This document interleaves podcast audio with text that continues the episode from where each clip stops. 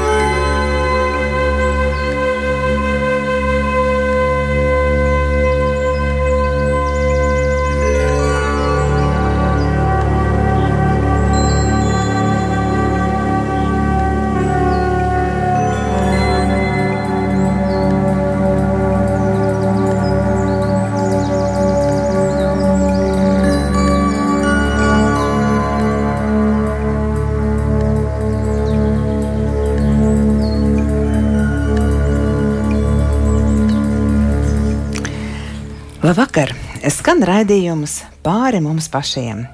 Studijā Rīta Brunēvica, skaņu režijā Iveta Zvejniece.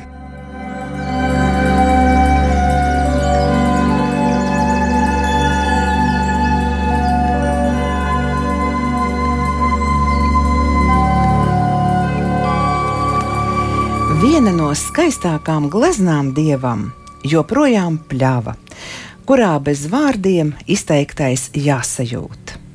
Uzziedinot mūs līdzi ziedu un krāsu rakstiem, radītājs dāvina prieku, mūžības noskaņas gūt. Citēju Kornelijas apšukrūmas dzējas rindas. Tiešām skaistas ir Latvijas pļāvas vasaras pilnbriedā, un šis ir vasaras saugriežu laiks, kad notiek Jāņu svinēšana, kas ir sena mūsu senču tradīcija. Kā tautiskās paražas sadzīvo ar kristīgo mācību? Vai vispār tās ir savienojamas lietas? Kāda ir Jāņu rituālu filozofiskā nozīme? Gaisma, saule, uguns, kādu saturu šajās nišās liek evaņģēlijas? Meklēsim atbildes kopā ar raidījumu viesiem. Studijā ir Latvijas Kristīgās akadēmijas rektore, profesore Skaidrīta Gūtmane. Labvakar! Un vēlāk mums pievienosies pa telefonu Salkrastu evaņģeliski luteriskās draudzes mācītājs Ivo Pavlovičs. Skaidrīt, folklore tev tiešām ir tuva, jo tu esi strādājusi kā pasniedzēja filozofijas fakultātē, lasījusi lekcijas par latviešu folkloru, un tev ir arī filozofijas un teoloģijas doktora grāts. Tas ir tieši tas, kas mums ir vajadzīgs, lai mēs rastu atbildes uz nu, kā, e, nosauktajiem jautājumiem. Sāksim par saugriežu svinēšanu. Kur šie svētki ir radušies? Paldies par jautājumu. Nu, saugriežu svētki, saugriežu rituāls. Uh, tas ir, ir ārkārtīgi seni uh, rituāli svētki. Es pat teikšu tā, ka tas senums nāk no proto-indoeiropeiskajiem mītiem, no kalendārā mīta, no kosmogonā mīta un arī daļai no teogonā mīta. Un Tu, ja mēs laika ziņā runātu, tad tas ir rituāls, kā tāda dažādu paņēmienu sistēma, kuru realizējot, virzoties uz gaismu, cilvēks kļūst labāks, vai arī viņš, senais cilvēks, skaistais indoeiropietis, iz, izmantoja šo rituālu kā instrumentu, kur, ar kuru pal palīdzību viņš nu, var nodot no paudzes uz paudzi noteiktas vērtību sistēmas, jēgpilnās lietas bērniem, jauniešiem un tālāk. Un tālāk. Tas bija informācijas kopums, ja tā varētu teikt, kas plašākā nozīmē nozīmē kultūras cilvēku. Jo cilvēks, kas godina gaismu, nav tumsas cilvēks. Un ga gaismas godināšana sakārtoja pasauli diahroniski. Tas nozīmē tradīcija turpinās un turpinās kolektīvā atmiņas forma. Un īstenībā tas rituāls ir tā kā tā mītiskā satura izpausme rīcībā. Un arī sinhroni eh, cilvēks mēģināja noturēties dabas apritē, iežēlināt dabu. Viss tas saule, saules cik, cikls, jo saule dod dzīvību. Nu, ja saule ir galvenais dāsnuma devējs, tad man jāpanāk, lai es, es esmu kopā ar sauli, ar gaismu. Nu, jo, ja runājam sinhroni, neviens cilvēks nedrīkst dzīvot tā, kā viņam pašam iegribās, haotiski, nekontrolējami, jo tas sajauc vienoto pasaules līdzsvaru.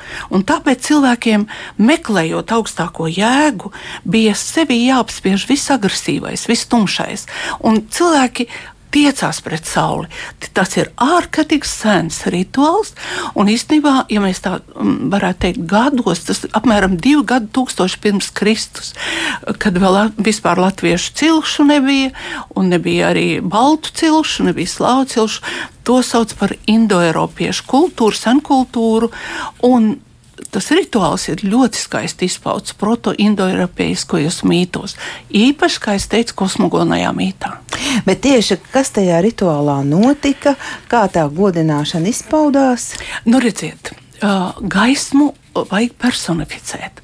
Sauli katrs jau normāls cilvēks, loģiski, un Dievs jau, dievam, Dievs jau cilvēkam ir devis loģisko saprātu, ja, ka sauli tu sevi tā iedabūt nevari. Ja.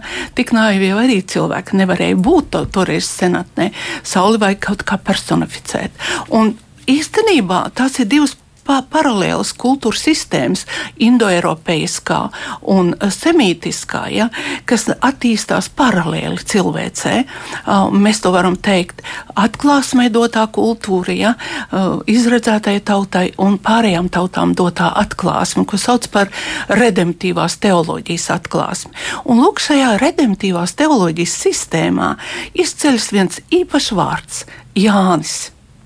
Un, sapratiet, ja mēs ņemam ebreju vārdu Johanan, vai vēl precīzāk, Jehohenan, tas nozīmē, mums ir grieķu helenizētais variants Joannes, Joannes un no tā ir iznācis Jānis.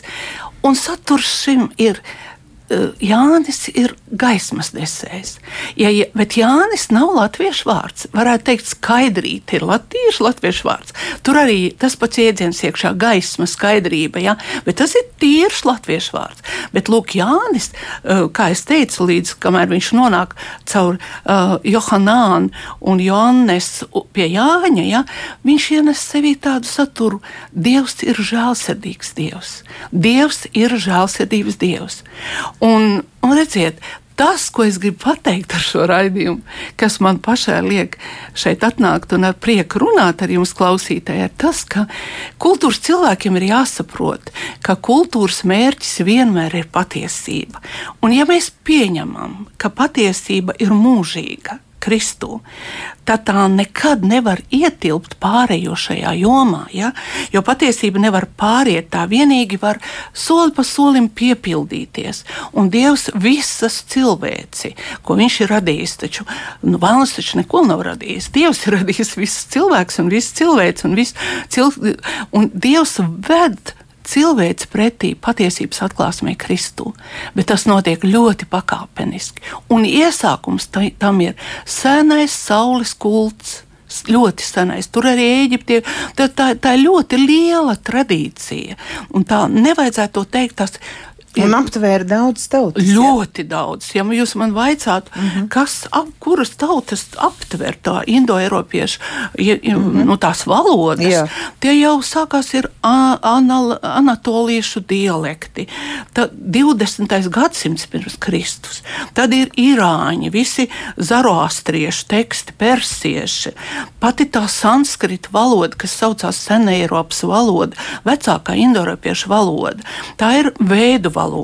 Un es jums tagad nolasīšu vienu fragment no Rīgvēdas. Tas ir apmēram 1000, 2000 gads pirms Kristus.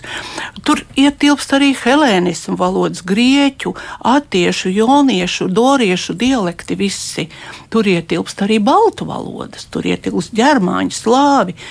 Albāņu, armēņu, tohārtā ir ļoti, ļoti 12 valodu grupas. Tikai grupas, un tad viņas jau sadalās sīkāk. Un, un ziniet, tā vēsturiskā fonoloģija, ja, skanējums, kā vārdus izrunā un skaņas, kādas tur ir, starp, ir pierādīts starp grieķu, latīņu un sanskritu valodām, ir ļoti liela līdzība. Lūk, un tā, pētot tās fonētiskās līdzības, ja, var ļoti daudz ko pateikt arī par senajiem rituāliem. Lūk. Un es nolasīšu jums vienu nu, vienkārši mānā uztverē burvīgu fragment no Rigvēdas, kas ir um, arī slavinājums gaismai. Ja? Un tas ir 2000. gads, uh, 1000 pirms Kristus, 2000 gadi. Un, sākums, un, un nosaukums tam tekstam ir lietu sākums. Un nu, kad šifrē to nu, tā, tā teikt, eksegētiski, ja, tad um, Rains ir tulkojis savā laikā to, ka lietu sākums. Jūs visi zināt, kā sākas lietas vecajā derībā. Ja? Un tad paklausieties, kā sākas tajā dziļajā pagānismā. Nec bija būtība, nec nebūtība toreiz, nec tvaiku lokus, nec pāri debesis, vai kustas kas, vai kāds to pārzina, vai bija ūdens un vai gaisma bija. Nec nāve toreiz bija, nec nemirstība. No dienām naktis nebija vēl šķirtas tad tapa viens. Viens sākās pats iz sevis, no gaismas spēka, jo nebija vēl cita. Bija tumsa, tumsā dziļi nogrimusi, viss jaucās sākumā kā pasaules jūrā. Uz tukšas telpas gulēja tukša telpa, tad tapa viens no sava gaismas spēka. Tad vienā cēlās pirmo reizi dziņa, klausieties, tā gaismas dziņa bija gara sēkla un sirdī prātā sevi jēdzot radās, tad ceļš uz būtību no nebūtības toreiz. Un šķērstu cauri abām augla vilta, vilkta, kas bija lejā un kas augšā bija. Tur augšā gaisma, lejā jūra. Tā tapa gaismas, jūras ciltis. Jā, skaisti. skaisti jā. Redzi, jūdi jau zināja, vai ne? Kas ir īstā gaisma, kas ir dievs, jo nu, viņiem tas droši vien no mutes mutē aizgāja. Ne, arī nu, bija jūdiem desmit, jau dievs, kā mēs zinām, Ādamu. Um, Abrahāmu aicina ārā no, no pagānu ciltīm un saka, izai no viņu vidus. Kāpēc? Tāpēc, ka nu, pagānu uh, ciltis pielūdza elkus, upurēja cilvēkus, bērnus, jauniešus, upurēja saulē.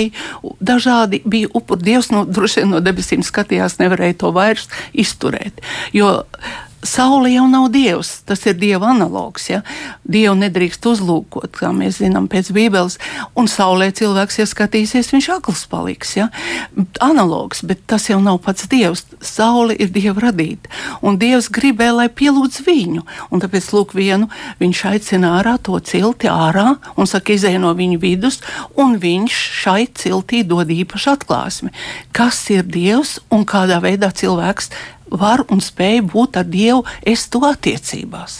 Un kā tā cilts pēc tam tālāk iziet pasaulē un nes šo atklāsmi? Nu, tas ir tik pretrunīgs un tik apbrīnas vērts stāsts vecajā derībā. Es viņu reizi pa reizēm pārlasu un domāju, Dieva mīlestība ir bezgalīgi neaptverama pret visu cilvēci. Un paralēli šai atklāsmei ir proto-indoeiropeiskie mīti.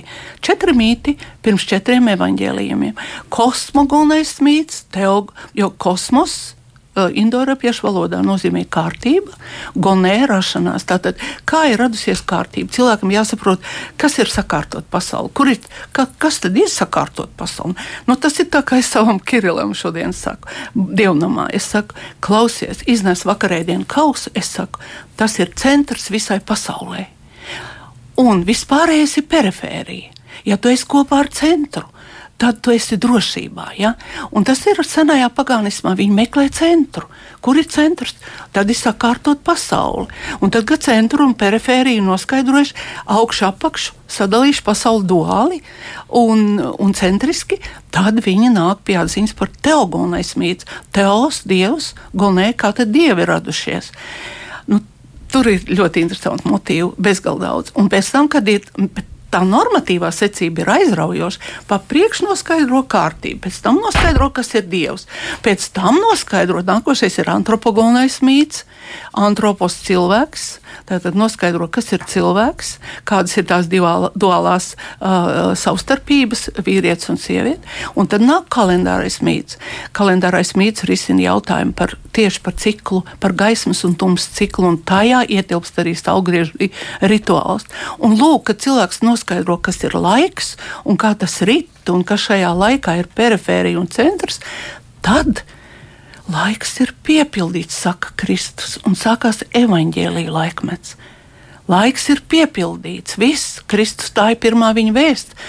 Laiks ir piepildīts, patiesība ir atklājusies manī. Un tagad sākas ceļš Kristū, un tie ir četri evaņģēlīji, kā mēs zinām, Marka, Mateja, Lūkas un Jāņa evaņģēlijas. Un tālāk jau sākās baznīcas tēva periods, un paralēli pagānu tautām ir folkloras periods, ja? Folkloras periodā. Jā, šie abi pastāv paralēli. Paralēli tas mm, iet, jā, un, un, un apkarot šeit vienam otru.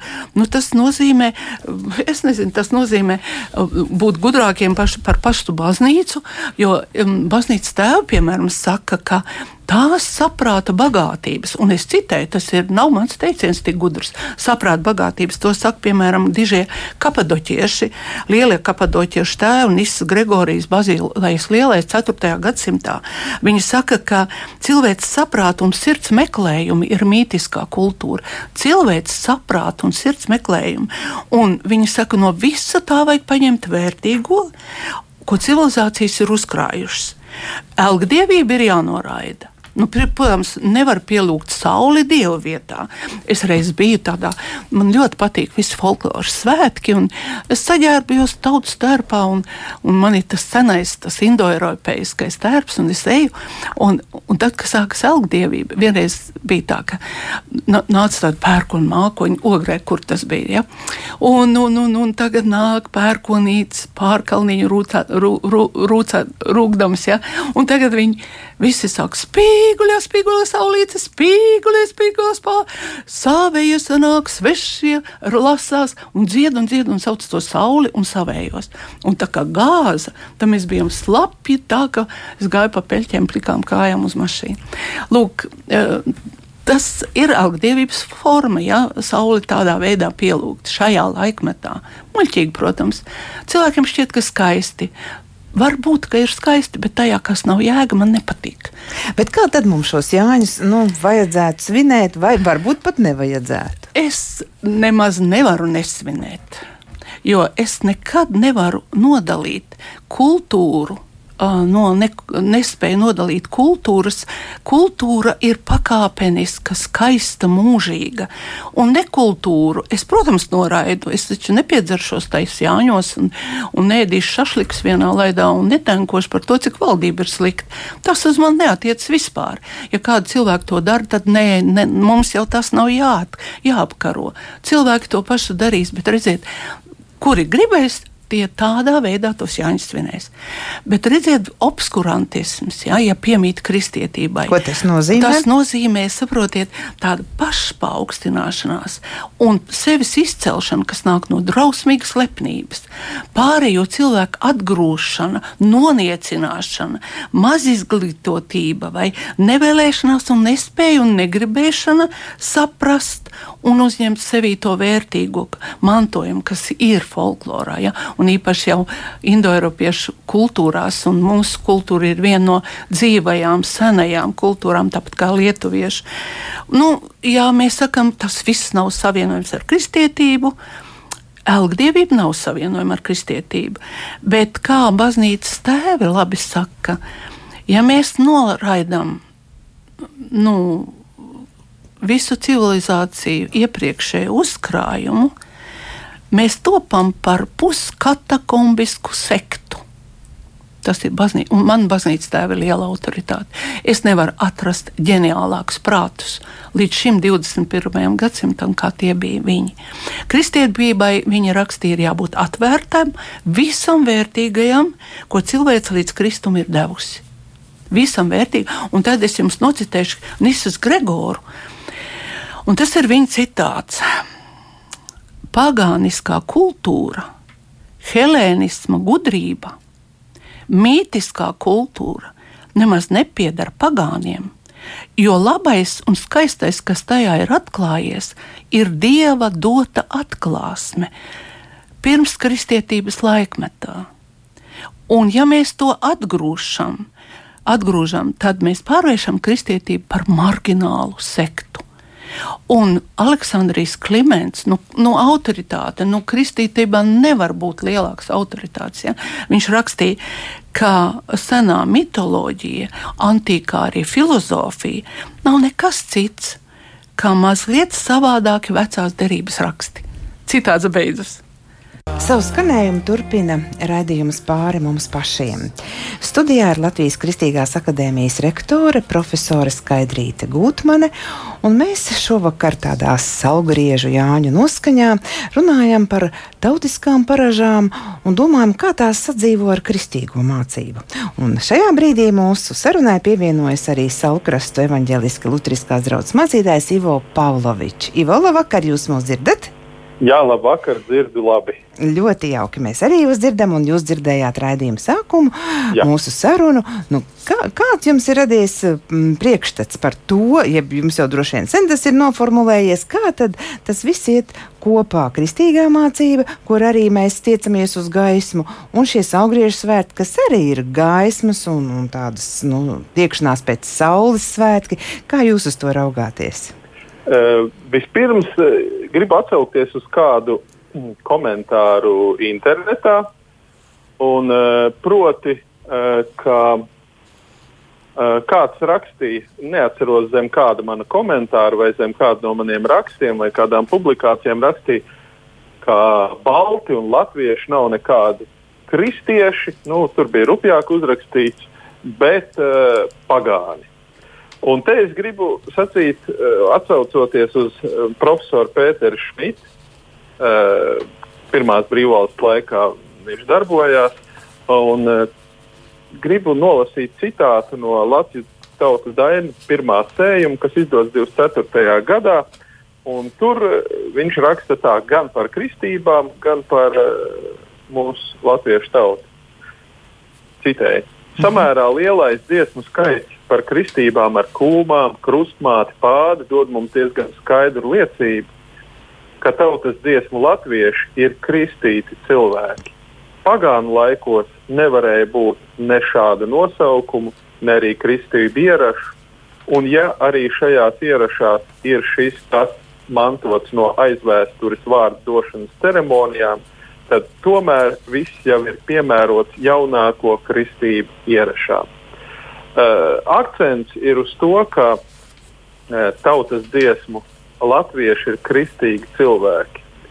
Un te man jāsaka uzreiz pateicība um, pasniedzējiem, etnomuzikologam Valdim Muktu Pāvelam, uh, kurš uh, vadīja mums Lutera akadēmijā savulaik uh, tādu uh, priekšmetu kā letonika, un viņš man palīdzēja ieraudzīt latviešu folkloru, uh, latviešu tautas tradīcijas un latviskumu kā tādu uh, pilnīgi citām acīm. Es par to viņam esmu līdz šai dienai ļoti pateicīgs. Un, uh, kas ļoti svarīgi, arī ieraudzīt latviskumu un iemīlēt to. Uh, mhm. -huh. Jā, jūs pieminējāt tautas dziesmas, un, un skaidrīt arī jūs esat daudz tautas dziesmas. Gan pati lasījusi un citējusi, jums tās ir tuvas. Nu, Jāņos tās jau tiek uh, daudz cietātas, vai ne? Bet tās ir arī dažādas. Nu, tas klasiskais, tas, kla, tas klasiskais mantojums Tas ir 17,000 no galvas, 996 dziesmas. Tās ir barontēva apkopotās klasiskās dainas, kuras nu, būtu tas. Nu, tas uh, senais mantojums, kas uh, ir mūsu kultūras kanonā iekšā un, un tā. Bet uh, ši, šis 17,996 dziesmas, viņas sevī, tur ir daudz slāņi. Tur ir daktiliskās dziesmas, 2% tikai. Un daktiliskās dziesmas tas ir Saulīte dancoja sudraba kalnā, zeltītas kurpītes kājiņa. Lūk, šis daktiliskais, tas ir vissenākais indoeiropiešu tautu vispār pantmērs. Un 2% mums tādas ir saglabājušās. Un tieši kā Vairvīķa Freiberga mums bija prezidenti pierādījis savā pētījumā, ja, tie 2% tieši attiecas uz saules augriežu rituālu. Ja, un mums viņi ir saglabājušies ne no folkloras, bet no mītiskā laikmeta dzīvēm. Jo, kad mītiskais laikmets beidzas, kā jau iepriekš teicu, paralēli sākas kristietība ar četriem evaņģēliem un baznīcu bet paralēli pagāniskajā kultūrā attīstās folklora. Un tā kā latviešu tauta vienmēr atradās izolēta no tām tautām, kas okupēja un parasti pakļāva mūsu tautu, tad tieši tas folkloras kodols ir ārkārtīgi pērli, nospodrināta, uzspodrināta, dārga un patiešām skaista. Tas dainas ir, nu, viņas mēdz salīdzināt ar Japāņu haikām. Pēc tās semantiskā dziļuma, kas ir ietilpst. Nu, piemēram, jauna meita rasu brīda, saujā nesadvēselīte, nosalusi, nogurusi, brienrasiņu dziedādam. Nu, pasakiet, par ko tā daina ir. Katrs, kam ir dvēsele, saprot, par ko tā daina ir. Un latīņu, un, piemēram, senā haika, nu, labs tulkojums tai haikai krievu valodā - stari prud, prignula ļuguška, spliesk vķišiņie sens dīķis, ielec vardīti, plunkšķis. Ka, ko tas ir? Bet tas ir dzīs šedevrs. Kāpēc? Tāpēc, ka dažās rindiņās visa cilvēce ir ielikta. Nu, kas tad cits cilvēks ir kā sens dīķis? Un mana dzīvība tajā ir tā kā vardīts plunkšķis. Nu, plus mīnus tur cik gadi, un ap, ap, apkārt klu, ap, atkal klusums. Gaisma sākās pa jaunu man šie cikli un šīs senās domas uh, virzība pretī gaismai un tiekšanās atgādina to, ko, ar ko Kristus nāk. Tiecieties pēc manis, es esmu gaisma. Bet toreiz jau Kristus nebija nācis. Un tās tautas meklēja gaismu. Manuprāt, tā ir liela vērtība. Un uh, tas nepiemīt tikai latviešiem. Visai indoeiropiešu kultūrai tas raksturīgi. Ivo, jūs arī mūs dzirdat, jā? Jā, esat pieslēdzies nu, jā, par tautas dziesmām un par Jāņiem turpinot. Tātad jūs nesaskatāt tur nekādu pretrunu starp uh, kristīgo mācību un, un tā, tautiskajām, teiksim, nu, izpausmēm šajos redziet, svētkos. Te uzreiz būtu jājautā, redziet, ja, ja runa ir par kristīgo mācību, tad man arī profesori varētu piekrist. Tā tomēr ir ļoti skaidri noformulēta ticības apliecībās un tā tālāk. Uh, savukārt, ja mēs runājam par, runājam par tautas dziesmām, tad mēs nevaram runāt par kaut kādu vienotu mācību vai vienotu ideju, bet mēs varam runāt par to, uh, kā cilvēki runā par daudz un dažādām lietām, kas skar gan absolūti ikdienišķas, sadzīviskas uh, dzīves apris, gan arī kā, kā tika pieminēts, arī mītiskas lietas. Līdz ar to nu, nevar tā vienkārši pateikt -hmm. tā vai tā. Nu, tur Bet, jāsaka, tā kā apstults Pāvils raksta, ka redz, pagāniem likums, vienalga likums ir ierakstīts viņu sirdīs, un tas vienojošais folklorā ir tas cilvēka sirds likums - tiekties pēc labā, nedarīt otram pāri, un latviešu folkloras kodols tieši tas ir - tā iet, ka citu nesamin, tā stāvēt, ka nevienam ceļā, lēni, lēni dieviņš brauc no kalniņa lejiņā, netraucēja ievaziedu, nearāja pļāvu viņu, neieņemt vairāk vairāk vietas, kā tev ir vajadzīgs, būt pieticīgam. Tas ir centrālais Latviju dainās. Un kas tad centrālais ir kristietībā? Ja kristietis nav pieticīgs, lēnprātīgs un otru cilvēku respektējošs, tad tā ir fake kristietība. Un es, piemēram, uzskatu, ka tās dabiskais likums, ko Dievs ir ielicis latviešu cilvēkiem un arī citiem, citai, citai, citiem pagānu ciltīm daudzajām. Dieva likums ir ierakstīts sirdīs cilvēka. Ja? Vēlāk nāk speciālā atklāsme Kristū. Jā, tā tiek noformulēta no baznīcas konciliem un baznīcas tēviem, teiksim, senajās ticības apliecībās. Vispirms jau nīkais ticības apliecībā. Un, protams, baznīca īsteno tādu funkciju, kurā pazemība un lēnprātība ir visa kodols, tāpēc ka tāds ir Kristus. Un tiklīdz mēs sākam kādu grūstīt, tur tas nav vai šeit tas ir, mēs paaugstināmies, un man iekšē tas nav tuvu. Es, ja drīkst, gribētu mazliet no tā mītiskā tagad aiziet uh, nost, un, un uh, es, es gribu teikt tikai dažas lietas attiecībā uz uh, latviešu tautas dainām, ja mēs tā pieturētos uh, tīri uh, no tādas zinātniskā, pētnieciskā viedokļa, mēs varam teikt, tā, nu, rakstiski fiksēts uh, tautas dziesmas ir tikai uh, 19. gadsimta otrajā pusē. Mēs zinām, ka uh, tautas dziesmu izdevums sējumos parādījās tikai jau uh, 20. gadsimta pašā sākumā.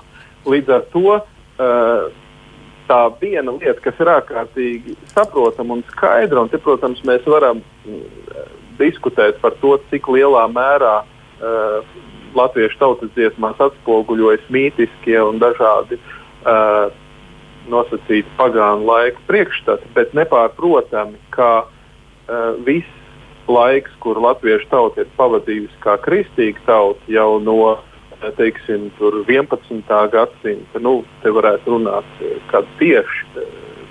Viens ir oficiālais latviešu kristianizācijas datums, bet ir arī vairāk vēsturnieku, kur uzskata, ka kristietība iespējams uz Latviju varbūt ne tādos plašākos mērogos ir atnākusi jau agrāk. Bet, jebkurā gadījumā, mēs varam runāt par uh, daudziem gadsimtiem, vairākiem gadsimtiem, kurus uh, latvieši ir nodzīvojuši tiešā kristīgās uh, ticības, kristīgās baznīcas ietekmē. Un, un tas vienkārši nevar neatspoguļoties latviešu tautas dziesmās. Un, uh, nepārprotami, tad, kad ir runa par Dievu, uh, tad uh, es varu teikt droši, ka uh, tas dievs, par kuru bieži vien, ne, ne visos gadījumos, bet tas dievs, par kuru mēs varam lasīt latviešu tautas dziesmās, ir uh, tas dievs, kuru pielūdza uh, un kuru godā kristīgā baznīca. Bet es gribu paturpināt, man patīk, ka profesors nocitēja mm, vienu tautas dziesmu, lēni, lēni dieviņš nāca. Šī starp citu man ļoti, eh, viņai ir vairākas eh, variācijas, versijas un panti. Uh, un viens no pantiem, viena no versijām ir lēni, lēni dieviņš nāca novāc zemes vidzemē, nemaitāja ielas ziedus, nearāja sējumi. Un uh, es esmu uh, saliekot kopā latviešu tautas dziesmu un atļāvies pierakstīt vēl pāris pantus no sevis, un uh, ir viena dziesma, kura arī ir iekļauta Oh, mums viena čehu meitene, mm, eh, filoloģija dzīvoja, viņa eh, izdeva eh, grāmatu par uh, latviešu mitoloģiju priekš čehiem. Un tur viņa arī ir iekļauti gan latviešu tautas dziesmas panti, gan arī uh, mans teksts kā jaunradas piemērs. Bet uh, atgriežoties pie pie sākotnējās tēmas par Jāņiem, es gribu pieminēt tādu vēsturnieku Leonīdu Arbuzovu. Viņam ir pētniek, eh, pētījums par latviešu literatūras pieminekļiem. Viņš piemin dažādus interesantus faktus par, eh, par Rīgas alus un vīnu nesēju ģildi. Un, uh, alus nesēja ir viens no četriem senākajiem amatiem Rīgas pilsētā. Uh, un, uh, pārējie bijuši stāsts nesēji, eh, liģeri un eh, kaņepju kūlē un tā tālāk. Un jau no viduslaikiem rīznieki bija, eh, rīzniekiem bija šī alus nesēja brālība. Un no 1396. gada tā pastāvēja līdz pat 19. gadsimta Jā, 70. Kad tas iet viss kopā ar to Jāņu svinēšanu? Es tūlīt, tūlīt, tūlīt. Mm -hmm. Un, un uh, par brāļiem tur nebija viena alus un vīna nesēja, bet arī viņa sievas garīdznieku un pat uh, klosteru mūķeni. Bet kas ir svarīgi, ka Jāņa Kristīta, uh, ka, ka šī latviešu alus un vīna nesēja uh, brālība pārsvarā pastāvēja no latviešiem. Uh, un uh, ieraksti uh, viņu grāmatās tika veikti latviešu valodā, un, un, un tur, tur bija tā specifika, ka arī senākie latviešu valodas uh, piemēri nāk tieši no, no ausu un vīnu nesēju brālības uh, tekstiem. Uh mhm. -huh. Un kas ir interesanti, ka viņu ausu vīnu nesēju brālības uh, debesu aizbildnis ir Jānis Kristītājs. Mm, tur jau kaut kur saplūst kopā. Viņi, mm. un viņi svinēja Jāņa Kristītāja dienu 24. 24. Mm -hmm. jūnijā. Un Cita starpā, tad, kad mēs saliekam kopā arī man ir raksts par šo tēmu. Bet, nu, jā, mums nebūs tik daudz laika visu izrunāt. Es saprotu. Paldies. Bet, bet tu, tā doma ir tāda, ka tur arī ir uh, gan alus, gan muca, gan arī tur ir. Mhm. -huh. Ar Būzaus savā pētījumā piemēra. Jā, to, paldies, kad... paldies, Ivo. Mēs turpinām raidījumu pēc maz muzikālās. Savu skanējumu turpina raidījums pāri mums pašiem, un šovakar mēs spriežam par tautiskām paražām un kristīgo mācību un par Jāņu rituālu filozofisko nozīmi, par gaismu, par sauli, par uguni, par šiem simboliem. Par uguni mēs vēl mazliet parunāsim, Jā. par gaismu un sauli jau esam daudz runājuši. Skaidrīt, jūs dzirdiet, ka mācītājs mm, Salu Krastu evaņģēlis Klustriskās draudzes mācītājs Ivo Pavlovičs, kas arī pievienojās mūsu sarunai, pieminēja Jāni Kristītāju, un to viņš saistīja ar no, alus brālību. Nu, manuprāt, ļoti nesavienojamas lietas, bet, nu, acīm nu, redzot, mēģināja senie latvieši kaut ko savilkt kopā. Es domāju, tā, ka nu, es esmu pareizticīgā kristieta, tāpēc, ka, tāpēc es uh, uz šiem svētajiem lielajiem vīriem skatos nevis caur viduslaiku Rīgas varbūt brālību fenomenu un, un šo brālību faktiem un darbībām, bet pamatos caur evaņģēlisko vēsti. Un, kā mēs zinām no evaņģēlīja, Jānis Kristītājs nāk ar vienu ārkārtīgi nopietnu pasludinājumu atgriezieties no grēkiem. Jo debesu valstība ir tuvu klāt nākusi, un viņš to at, pirms Kristus tieši viņš tā. Un redziet, tā vēsts, atgriezieties no grēkiem, tā ir kultūras cilvēka vēsts. Ja cilvēks neizsūta savus grēkus, viņš vienalga, vai viņš var būt kristietis un viņš var sēdēt baznīcas beņķī no rīta līdz vakaram, tur nekas nav. Tik un tā viņa dzīve nevar mainīties, jo Kristus savukārt nāk, lai cilvēki atpūstos tiktu brīvi no grēkiem. Nu, lūk, man šajā saulgriežu rituālā liekas ārkārtīgi svarīgi tas, ka gaisma cīnās ar tumsumu. Protams, ka pirms Kristus vēsts un pirms evaņģēlīja pagānu tauts nevarēja zināt, kas ir grēks, bet viņi saprata, ka kaut kas nav kārtībā tajā dvēselē, un viņi gribēja to tikt vaļā no tumsas, priecāties ap uguni, priecāties ap gaismu, to saules ritmu vainagos un dažādās siera rituļos un vis visādos centrējumos. Viņi grib pateikt, ka pasaulē ir centrs, un centrs ir tur, kur ir gaisma. Un ja tu kulies kā pliks pa nātrām pa savu tumsu un vaino visu pasauli pie savām nelaimēm, tu vienkārši pats atrodies tumsā. Tikai tu nezini, ka tas ir grēks. Senais cilvēks to nezināja. Lūk, es, protams, nekādu sakaru nevelku jāņos ar alu. Alus tas ir, tā ir folkloras tradīcija, jā, alu brūvēja. Senie, nu, taču latvieši daudz mācījās no vācu varoniem. Nu, tik ļoti daudz maro. Tur es varētu, lasu bērniem priekšā Dievs daba darbs, mēs tur smējamies vārdars tur, turēdami, kā baroni izturējās pret latviešiem, cik viltīgi savukārt bija latvieši un kā tā alus dzeršana gāja vaļā. Bet mēs šoreiz runājam par cita līmeņa parādībām. Mēs runājam par kultūras parādījumu savām saknēm. Lūk, Jāņa nāk ar vēsti, uzvarēs skaidrība, dzīvība, gaisma, uzvarēs augšām celšanās. Un viena liela daļa lielo mitologu, es varētu pieminēt, piemēram, Džeims Frēzers, kas sarakstījis burvīgu pētījumu zelta zārs par saulgriežu rituāliem, kur viņš saka, upura elements daudzās tautās ir ļoti principiāls šajos svētkos, jo bieži Jāni ir jānonāvē vai jāsadedzina pat.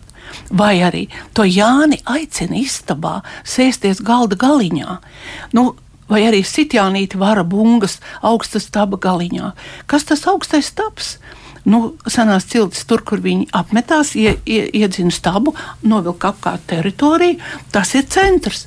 Un kas tad tur tas Jānis, tas tāda akrobātiska vetība, nemaz neviens vīri, vīriešu cilvēks nevar beigt, uz, uzrāpties stabā un sit, sist varbungs. Tā ir saule, kurai jābūt tur, kur ir cilvēki, kas dejo ap gaismu. Lūk.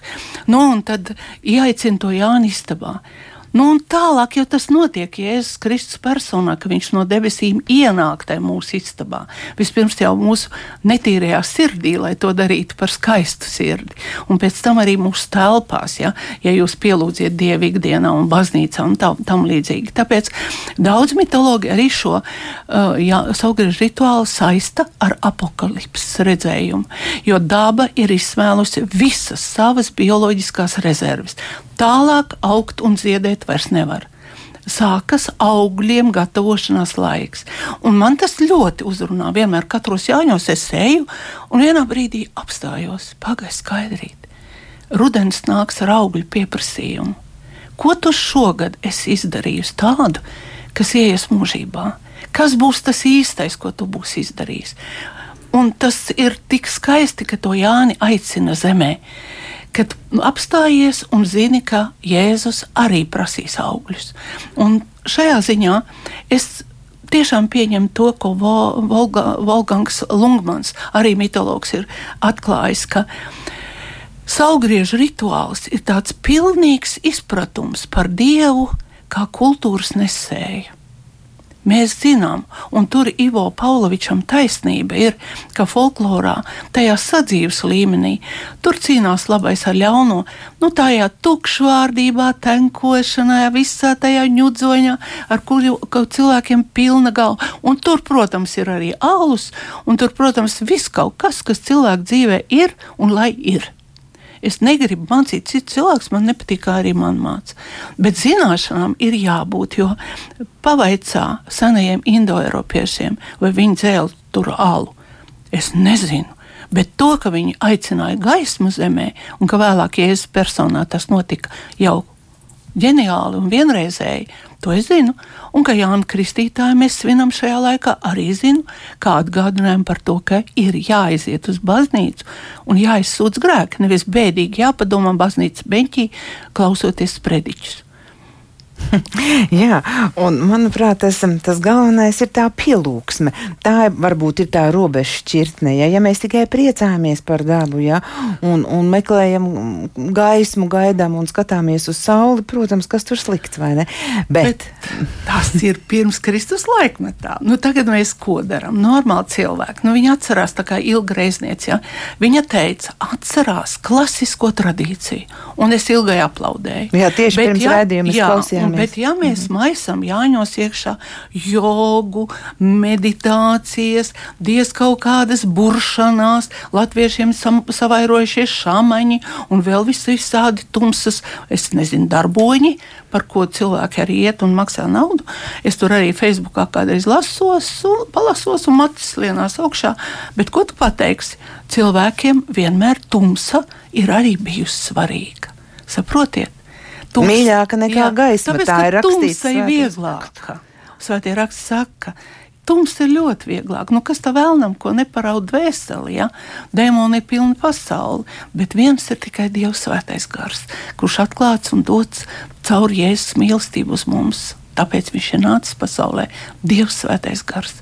Un vēl arī tā gaisma, kas svētā trejādības dievā, protams, ka dainās tās nav un nevar būt. Un arī mītiskajā kultūrā nav un nevar būt. Bet savstarpības fenomens, vienam otru palīdzēt, vienam otru atbalstīt. Nu, Kaut gan latviešiem tā saka, ka viņi ēd viens otru. Es nevienu nēdu, man arī neviens nēd. Bet tos, kurus ēd, tie saka, ka latvietim tā labākā barība ir otrs latvietis. Bet es to dainās neizlasu. Es neredzu tur vienkārši. Man vienkārši ir Dievs devis spēju neredzēt to, ko nevajag redzēt. Nelasīt to, ko nevajag lasīt. Tas tāpat kā par to biti. Ja? Biti atlido un saka, Visa pasaule zied un smaržas dunu un, un san. Tik skaista ir Dieva radītā pasaule. Un atvedlo mēslu mušu, piedodiet par vārdu, un saka, visa pasaules smiedu, drausmas, šausmas, valdība nekur, kaimiņi nekur, visur skauģi, aprunātāji. Tas ir kādas cilvēkam ir acis. Un tas, kādas acis viņš izvēlās, nav atkarīgs no Dieva. Tas ir no viņa paša. Tu esi izdarījis izvēli par labu tumsai, nu tad buries meditē, klusē, āksties garīgā veidā. Garīga un kultūras cilvēka dzīve iesākas ar grēku nožēlu un punkts. To ir pateikusi visa kultūras pasaule, sākot ar Johānu, Jānu Kristītāju. Kāda būs uh, tava Jāņa šogad? Nu kā, man Jāņa vienmēr ir ļoti, ļoti skaisti. Tāpēc, ka es svinīgi eju Jāņos iekšā. Es vienmēr aizbraucu uz Nītauri. Tur man ir, nu, es vispār esmu Rīgas meitene, bet vecāki bija nopirkuši Nītaurē māju, un tur bija skaista, skaista saimniecība. Un es uz turieni aizbraucu, izbradājos pa pļavām, saplūcu puķes, aizēju padzeros no mātes avota, nolieku pie mātes avota puķes, izgraznoju to avotu ar ziediem, pasaku lūgšanu par mūžību aizgājušo manu mammiņu, māti Almu, tēvu Žani, pasaku lūgšanu. Kādreiz pastāvu klusumā, pārdomāju, cik skaisti tur bija, ka tur viss bija, kā bija. Tagad jau tā māja ir pusagrūsi, protams, jā, jo komunistu laikos tur viss bija aizlaists ļoti. Lūk, bet es vienalga nopinu vainagu un uzlieku uz, uz tās akas vindu, vindas, kuru izraka mana vecāmāte. Un piemin tā ir tēva, mācaka, vecās mācāk, uzliek vainagu, nodzied jāņdziesmas, un tad es braucu uz savām mājām, pie savas meitas. Viņa skaistā vietā dzīvo pie ezera, un tad mēs esam kopā un svinam jāņus jau pie ugunskura, dziedam dziesmas, protams, runājamies. Es ne, ne, nezinu, nekad, kad kāds būtu tā nodzēries un piedzēries. Mēs runājamies par visu, kas ir mūsu dzīve. Mīļie klausītāji, mūsu raidījums tuvojas nobeigumam. Es novēlu jums arī ir skaisti šie vasaras pilnvrietas svētki. Es no sirds pasaku saku paldies Latvijas Kristīgās akadēmijas rektorai profesorai Skaidrītei Gutmanai, kur šovakar bija studijā, un arī varēja saukrastu evaņģeliski luteriskās draudzes mācītājiem Ivo Pavlovičam, kurš mums pievienojās telefoniski. Izskan šis raidījums. Skaņu režijā strādāja Ivets Zvejniece un ar jums runāja Rinta Bružēvic. Ar labvakar!